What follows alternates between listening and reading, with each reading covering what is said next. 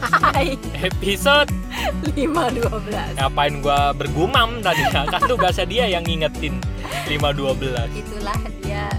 Kamu mencintai Iya kamu sangat Kamu meragukan saya ya. Iya bukan. Saya takut kamu lupa. Jadi daripada kamu malu lebih baik saya gumamkan saja. Padahal saya tidak akan malu juga kalau lupa. Terima kasih ya. Sama-sama bu kita mau ngobrolin sesuatu Em, Kita baru saja Eh pagi ini Pagi ini gue dapat video tuh kan Biasa ya Kita Loh, selalu bareng enggak ya itu video saya udah nonton lama tapi dulu nggak ada teksnya Ih. bener saya nggak bohong saya ngom malam-malam kok saya pernah bilang sama kamu nih Iya. video bagus Tapi kan saya juga Saya baru dapat itu tadi oh iya deh nah, terus terus, terus, kenapa masalahnya dulu-duluan jadinya? enggak enggak, enggak. Oh, enggak. Kamu dapat video tadi pagi and then Ya, Terus? bahasnya itu, bahasnya hal yang oh sama. iya iya iya keterhubungan ya Habis benar itu eh, rasa, rasa. iya iya iya betul betul everything is itu, energy hmm. Eh, gue baca buku gue lagi baca buku juga Divine Matrix kayaknya keren nih buku ya. iya kayak MLM ya kayak Matrix film-film. sempurna apa enggak ya Aduh, kalau orang orang ML, saya malah nggak kepikiran loh itu sama marketing plan. Memang dasar otak MLM. jadi ceritanya gini teman-teman bahwa Hmm, kita udah tahu lama sebetulnya bahwa kita semua adalah energi. Kita itu tidak terpisah satu sama yang lain gitu ya. Kita apa yang kita lakukan itu selalu memberikan dampak bagi yang lain gitu ya. Eh, kepada semua makhluk gitu. Karena eh, kalau dulu kita berpikir bahwa gue sama lo beda, gue sama lo terpisah. Sebetulnya enggak. Kita itu sebenarnya terhubung dengan satu medan energi gitu. Gue Ya. punya medan energi yang gue pancarin karena hal itu pun eh, orang-orang yang lain juga punya medan energi yang kita dipancarkan saling akhirnya terhubung. mempengaruhi. Betul.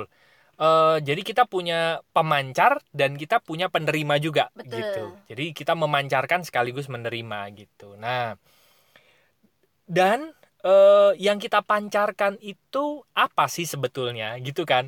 Yang kita Hmm. pancarkan yang di, di- yang kita pancarkan dan diterima semesta itu apa? Eh, tadi gue bilang sama Rusi bahwa bahasa semesta itu adalah bahasa rasa Mm-mm, gitu Betul. atau sering di eh, di apa disebut sebagai emosi gitu. Ya. Nah, bahasa ilahi itu bahasa emosi kalau Mm-mm. itu ya kalau semesta ya Mm-mm. pakai rasa lah ya biar biar rima doang sih biar keren doang. Hmm, Ada. oke. Nah, terus nah, yang jadi masalah tadi gue bilang sama Rusi adalah bahasa semesta itu bahasa rasa, bahasa ilahi itu adalah bahasa emosi. Masalahnya adalah banyak dari kita yang tidak mengenali emosinya gitu. Jadi Ya, gimana betul. coba?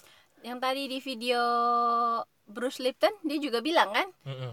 eh ke depannya segala sesuatu itu adalah tentang energi, Yes. tentang rasa. Betul. Dia bilang kalau kita eh, terhubung, Ya. maka kita akan selamat lah intinya. Yes. Tapi yes. kalau kita tidak terhubung, Mm-mm. kita nggak nggak sadar tentang energi dan rasa kita, kita akan cenderung kayak orang hilang gitu, nggak Iya. tahu, nggak tahu mau ke mana, pokoknya bingung aja bawaannya. Betul. Dan eh, Bruce Lipton juga bilang ya, yang dia bilang apa? Hmm, segala sesuatu itu memang disampaikan melalui kata, Yes. tapi sebenarnya Yang ditangkap. yang kita tangkap itu adalah rasanya. Yes. Gitu. Betul sekali. Kalau kita cuma berpatokan pada kata. kata Hmm. diolah dengan pikiran logis biasanya kita sering kesasar gitu Betul. tapi kalau kita menangkap rasanya dia bilang rasa itu loh yang akan membimbing kita Betul. jadi kita akan selalu dibimbing sebenarnya Betul. kalau kita peka eh tadi cuma kata Ari Jadi poinnya itu sederhananya gini, eh, teman-teman. Kalau kita pengen sesuatu gitu ya, yang ditangkap oleh semesta adalah rasa kita.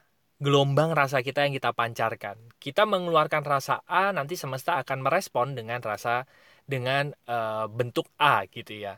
Kalau kita mere- eh, mengeluarkan rasa C, semesta akan merespon, oh C ini yang kamu dapetin adalah ini gitu. Iya. Selalu kayak gitu tuh ya, sama kayak TV aja ya. Kita mencet eh, tombol RCTI yang Channel. yang muncul adalah RCTI gitu ya. Mm-mm. Yang muncul eh, kita pencet net, yang muncul adalah net gitu. Nah, semua rasa itu itu punya balikannya tuh. Kayak udah ada menunya gitu. Gue mau pencet menu burger ayam nasi. Pencet. Yang keluar adalah itu gitu kan.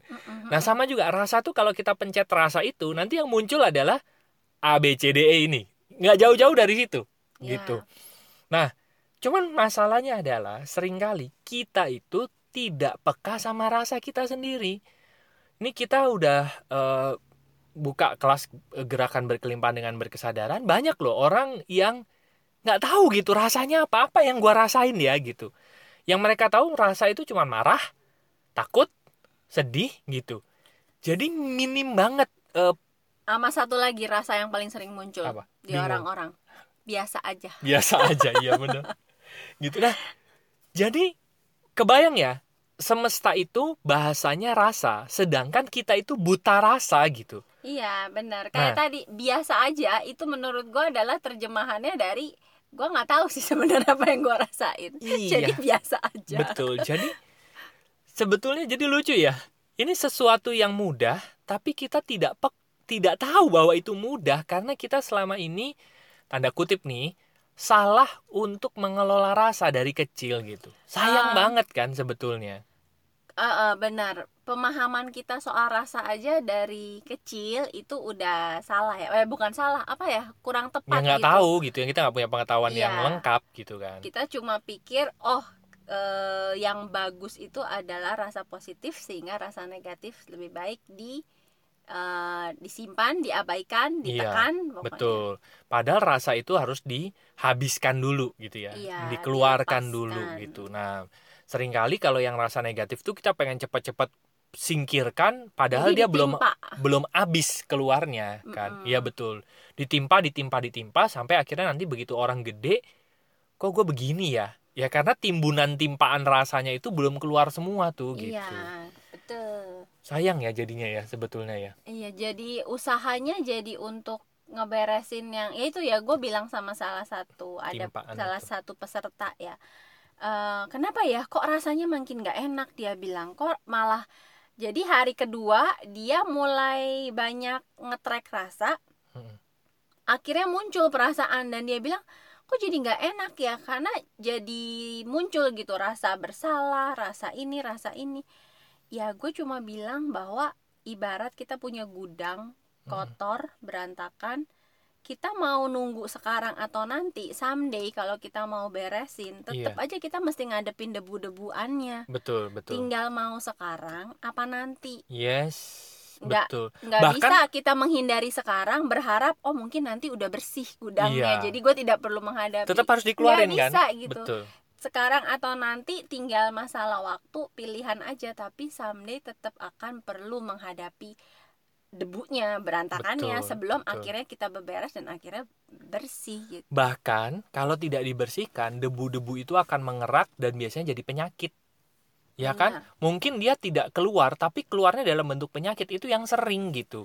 kalau misalnya dulunya debunya tinggal ditiup atau dikemocengin beres Heeh. karena udah nempel jadi harus digosok Bener, terus pakai cairan segala macam Bahkan karena kita tidak sanggup menggosoknya, minta bantuan orang lain untuk menggosoknya. Suka suka gitu kan kalau udah terlalu kotor minta Iya. tukang ya untuk ngebersihin. Nah, dan orang lah kalau debu gudang bisa nyuruh tukang dibayar iya. kalau debu hati Ci. Aduh. Nah, kalau debu hati jadinya penyakit, kita nyuruhnya nanti jadi ke dokter.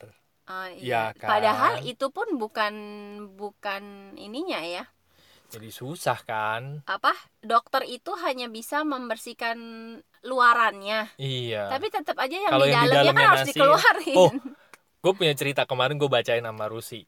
Eh, ada satu orang dari India namanya Anita. Anita.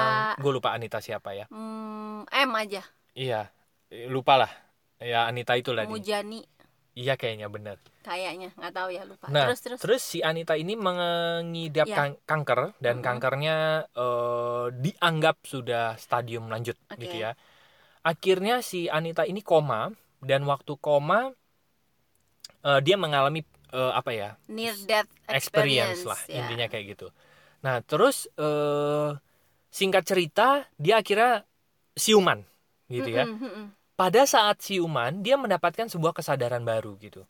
Kesadaran barunya itu adalah ternyata yang membuat dia terkapar selama ini adalah ketakutannya. Nah, ditambah dia takut terhadap kankernya. Jadi double-double tuh. Ya, ini gitu ya. Jadi kayak yang kita pernah bahas kemarin. Nah, jadi dia bilang ketakutan itulah yang membunuh saya sebetulnya, Oke. gitu. Nah, singkat cerita, begitu dia siuman dalam waktu hanya 10 hari ya. Hanya dalam waktu 5 atau 10 hari semua kankernya hilang. Lenyap dengan sendirinya. Itu sampai dokternya bilang gini, "Tunggu tunggu, ada yang aneh dengan kamu." gitu dia bilang gitu. Dokternya bukannya seneng ya? Iya malah ini ya. Nah ada yang aneh dengan kamu. Nah suaminya bilang gini, apa yang aneh dengan istri saya gitu? Kankernya nggak ada sama sekali. Ngecek sumsum belakang ya, sumsum tulang belakangnya itu dia bilang kankernya hilang sama sekali loh. Suaminya langsung bilang loh bagus dong. Kalau kankernya hilang berarti istri saya sembuh. Iya tapi ini nggak mungkin terjadi dia bilang gitu. Kita harus menemukannya kata Kita harus dokternya. menemukannya. Nah akhirnya singkat cerita si Anitanya sembuh sampai sekarang dan dia berbagi tentang uh, Hmm. pengalaman dia uh, lepas dari ketakutan itu yang akhirnya ketakutan itu yang menyembuhkan lepas dari Penyakitnya. ketakutan itu yang menghilangkan semua sel-sel kankernya gitu. Nah, Keren itu ya. pada saat orang mengenali ketakutannya gitu ya dan dia akhirnya melepaskan terjadi banyak hal yang dianggap orang itu sebagai suatu keajaiban gitu Hmm, untuk hmm. mengenali mengakui kita punya rasa itu dan membiarkan rasa itu lepas akhirnya itu aja kita masih kayaknya effort banget gitu ya Iya benar. padahal itu ada padahal kita kita Nah, ya Ini loh, Pi. Apa ya, tuh? kamu ngomong apa? kita tuh punya mekanisme otomatis untuk melakukan pelepasan itu sendiri sedangkan kita tuh nyari gimana ya supaya gue jadi cepat senang gitu gimana supaya gue jadi cepat pindah dari kondisi yang nggak enak ini ke kondisi yang enak gitu Hmm, hmm, hmm. itu kita terus nyari gitu padahal tubuh kita kita punya mekanisme untuk menerima rasa dan akhirnya melepaskan rasa itu sendiri gitu. Kita nyari teknik apa yang paling cepat gitu. Karena yang tadi Rusi cerita gue gua harus aku itu bener banget gitu. Karena banyak orang tidak mau mengalami efek pelepasan itu loh gitu. Karena ini tadi menurut gue ya eh, barusan ketemu gara-gara Ari ngomong gitu gue jadi eh, iya ya orang itu kan biasanya nggak mau mengalami efek pelepasan nggak mau bersih bersih nggak mau ngelihat ke dalam karena takut. Iya. Nah dia takut. Nah yang bikin takut itu adalah pikiran-pikirannya kan? Betul pikiran-pikirannya punya asumsi kalau ini kalau kayaknya nggak mungkin sembuh begini, gitu iya. ya iya. Kalau ini nanti begini. Nah, yang tadi ketakutannya itu eh, dari pikiran-pikirannya itu yang akhirnya menghalangi orang untuk bisa merasakan, untuk bisa pasrah sama rasa. Mm-mm. Jadi diblok sama pikiran. Mm-mm. Ini nyambung sama yang tadi gua nonton di Bruce Lipton itu. Dia bilang kalau eh, kita terus eh, intinya ya eh, terus bermain dengan pikiran Mm-mm. jadinya kita nggak bisa akses energi yang dirasa ini Mm-mm. gitu makanya gue juga setuju nih di human design juga dibilang kan pikiran itu adalah Otoritas otoritas, pengambil keputusan Betul. paling kecil Betul. sebenarnya dia nggak punya otoritas di dalam diri karena ada banyak hal lain yang eh, lebih lebih tahu gitu lebih bisa kita percaya daripada pikiran ya ya, ya itu ya rasa Betul. Jadi gua sekarang ya dengan kesadaran gua sekarang cepat-cepat menjadi positif itu malah membuat Belum kita tentu. jadi negatif. belum tentu ya Iya. Jadi Kalau cepat jadi positifnya memang Memang karena iya, karena lepas ya. switch, ya yes. itu bagus. Betul. Cuman seka- sering kali kita tuh cepat-cepat jadi positif Pakai pikiran. pakai pikiran karena kita pengen cepet-cepet pindah dari kondisi yang negatif itu Betul. gitu. Pikirannya memaksa kita untuk memblok rasa Iya. negatif itu. Betul. Jadi gue sekarang nyari gila ya. Kita, gue, gue pribadi gitu ya belajar banyak teknik untuk melepaskan emosi negatif tuh pikir-pikir juga.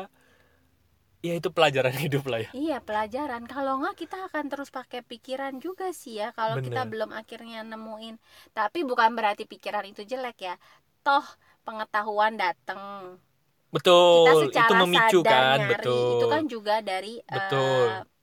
kerja pikiran betul, kita. betul. Tapi itu polesan gitu ya Iya benar. bener Tapi ada banyak porsi yang itu bukan porsinya pikiran gitu. iya tapi diserobot sama Ah, dia gitu tidak betul semuanya harus diproses oleh pikiran. yes Justru hanya betul, sebagian kecil yang perlu diproses sama si pikiran. betul Lebih banyaknya kita ternyata tadi untuk terhubung, untuk tahu, untuk yakin ternyata itu kita mesti prosesnya pakai rasa. iya betul betul Gue juga baru menemukan nih puzzle-puzzle ini. gue tuh sama Rusia sekarang tuh hari demi hari jadi kayak gini bener banget tuh sih David Hawking ya manusia oh manusia nyari ke mana mana mana Iya, gitu. ke mana ke mana Udah gitu dikasih alamat palsu ke mana. lagi. iya aduh sama ku pikiran tadi. harus mencari Udah, atuh. dirimu Udah, padahal udah ya. iya padahal ada gitu ya jadi gitu teman-teman jadi eh, ini satu puzzle gitu ya Nah, jadi mungkin itu juga meditasi kan untuk eh, ini ya, biar pikiran-pikirannya tuh tep di satu tempat. Iya memang iya. Pikirannya berada pada tempatnya, dia Betul. nggak ngambil alih yang harusnya dikerjain sama rasa Betul, gitu ya. betul. meditasi itu tentang menerima Ngomong-ngomong ini podcast untuk gue di untuk diri gue sendiri sebenarnya. iya. Gue lagi menyusun-nyusun. Oke, Jadi lanjut. eh, teman-teman inti dari podcast kali ini adalah gini, bahwa bahasa semesta itu adalah bahasa rasa. Ya, Kalau kita mau terhubung dengan semesta, berarti kita perlu mengenali rasa kita sendiri. Ini rasa apa sih sebetulnya? Ini gue lagi ngerasain apa gitu ya. Kita itu kaya akan rasa kok. Cuman sering kali dari pendidikan kita dari kecil, kita itu sering mengabaikan rasa. Untuk itu yuk kita balik lagi nih, kembali ke diri sejati kita lah gitu. Kita tuh bener-bener kaya ra- rasa, rasa apa pun yang datang, ya sudah dikenali, diterima, diakui, dan nanti biarkan dia lepas. Dan gitu. sebenarnya tadi karena rasa itu sebenarnya ada dia karena dialah yang membimbing kita. Betul, betul.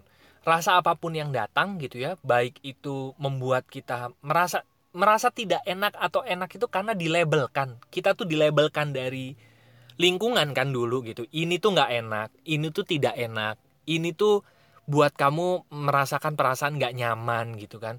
Itu kan yang melabelkan kan lingkungan kan gitu. Karena kita kena belief tularan. Sebetulnya setiap rasa itu biarkan dia datang, biarkan kita kenali gitu ya setelah itu biarkan dia lepas kuncinya cuman itu sebetulnya gitu iya, kan dan se- dan kayak rasa-rasa yang Ari bilang nggak enak itu sebenarnya kalau buat gue pribadi ya, justru ra- rasa-rasa itu yang membantu gue untuk eh, ketemu untuk ketemu Hmm. diri gue. Iya karena betul rasa-rasa yang nggak enak itu ngasih tahu gue eh ternyata masih ada ini loh yang numpuk. Eh yes. ternyata ada i- masih ada ini loh yang perlu diberesin. Betul betul. Kalau nggak ada rasa-rasa itu ya berarti kan harusnya gue udah fine dong Iya, gitu. betul. jadi sebenarnya ya benar mau rasa itu positif mau rasa itu negatif sebenarnya semuanya balik-balik cuma pengen bawa kita ke diri sejati kita. Iya betul. Setuju gue setuju. Jadi selamat berbicara gitu ya. Selamat, merasa. merasa selamat terhubung dengan semesta karena bahasa semesta itu bahasa rasa. Kenali rasanya dan kita akan jadi semakin terhubung gitu ya. Atau kenali emosinya maka kita akan semakin terhubung dengan ilahi gitu. Ya kalau di awal beberes terasa menyesakan? Ya malah kayaknya kok met gitu ya ngerasa. Nggak apa-apa gitu. Iya. karena lebih baik melakukannya sekarang daripada nanti. Yes. karena tidak ada yang namanya dibiarkan kemudian bersih sendiri. Betul memang betul. kalau lagi beberes sekarang ya disyukuri. Eh betul. udah dapet ya momen kesempatan beberesnya sekarang. Yes tepat sekali. Tepat sekali bu. Ya. oke lah baiklah teman-teman. Buat teman-teman yang masih ngobrol bareng kami eh, baik topik ini ataupun topik yang lain terserah Oke. gitu ya. Silakan masuk aja ke website kami yaitu? lompatanhidup.com nanti ada tiga page di sana. Yang pertama ada home, ada home buat, chit chat Hmm. buat kenalan buat curhat buat kasih topik? feedback buat request topik atau apa pun masuk aja ke page yang home. Yes klik Nanti tombol ada WA nya tombol nanti akan WhatsApp. terhubung dengan WA kami. Terus page di kedua, page kedua ada, konseling dan event buat teman-teman yang butuh layanan profesional buat terapi konsultasi, konseling atau mengundang kami bicara di event masuk ke page yang konseling dan event. Yes. ada tombol WhatsApp-nya juga. Ya. Di page ketiga ada ada bisnis. Nah, bisnis ini kami sekarang menganggap bahwa bisnis itu cuma sekedar arena ya, teman-teman. Arena supaya kita salah satu arena dalam kehidupan supaya kita bisa menyadari mulai mengenali rasa tadi gitu Iya, benar. mengenali rasa belajar lah mulai belajar mengenali rasa tuh salah satu arenanya adalah bisnis gitu nah Ya. Nanti di situ kita akan berevolusi bareng-bareng di kesadarannya. Dan banyak hal setelah kita melakukan evolusi itu hal-hal yang kita pikir tadinya tujuan seperti penghasilan yang besar, uang yang banyak, passive income, keberlimpahan dan lain sebagainya ternyata itu hanya akibat dari pelepasan emosi-emosi kita, pelepasan dari rasa-rasa kita gitu. Hmm. Nah, kita sekarang pakai arenanya adalah bisnis gitu. Nah, buat teman-teman yang mau tahu, kita ada kelas WA-nya 5 hari. Silahkan masuk aja ke kelas WA itu 5 hari supaya teman-teman bisa dapat pengantarnya terlebih dahulu gitu ya. Apa sih kok bisa efek pelepasan itu bisa berdampak seperti itu. Nah, silahkan masuk aja di page yang bisnis, klik tombol WA-nya, nanti akan terhubung dengan WA. Oke? Terima Oke. kasih teman-teman sudah mendengarkan episode. 512. Semoga bermanfaat dan sampai jumpa di episode berikutnya. Thank you. Bye-bye.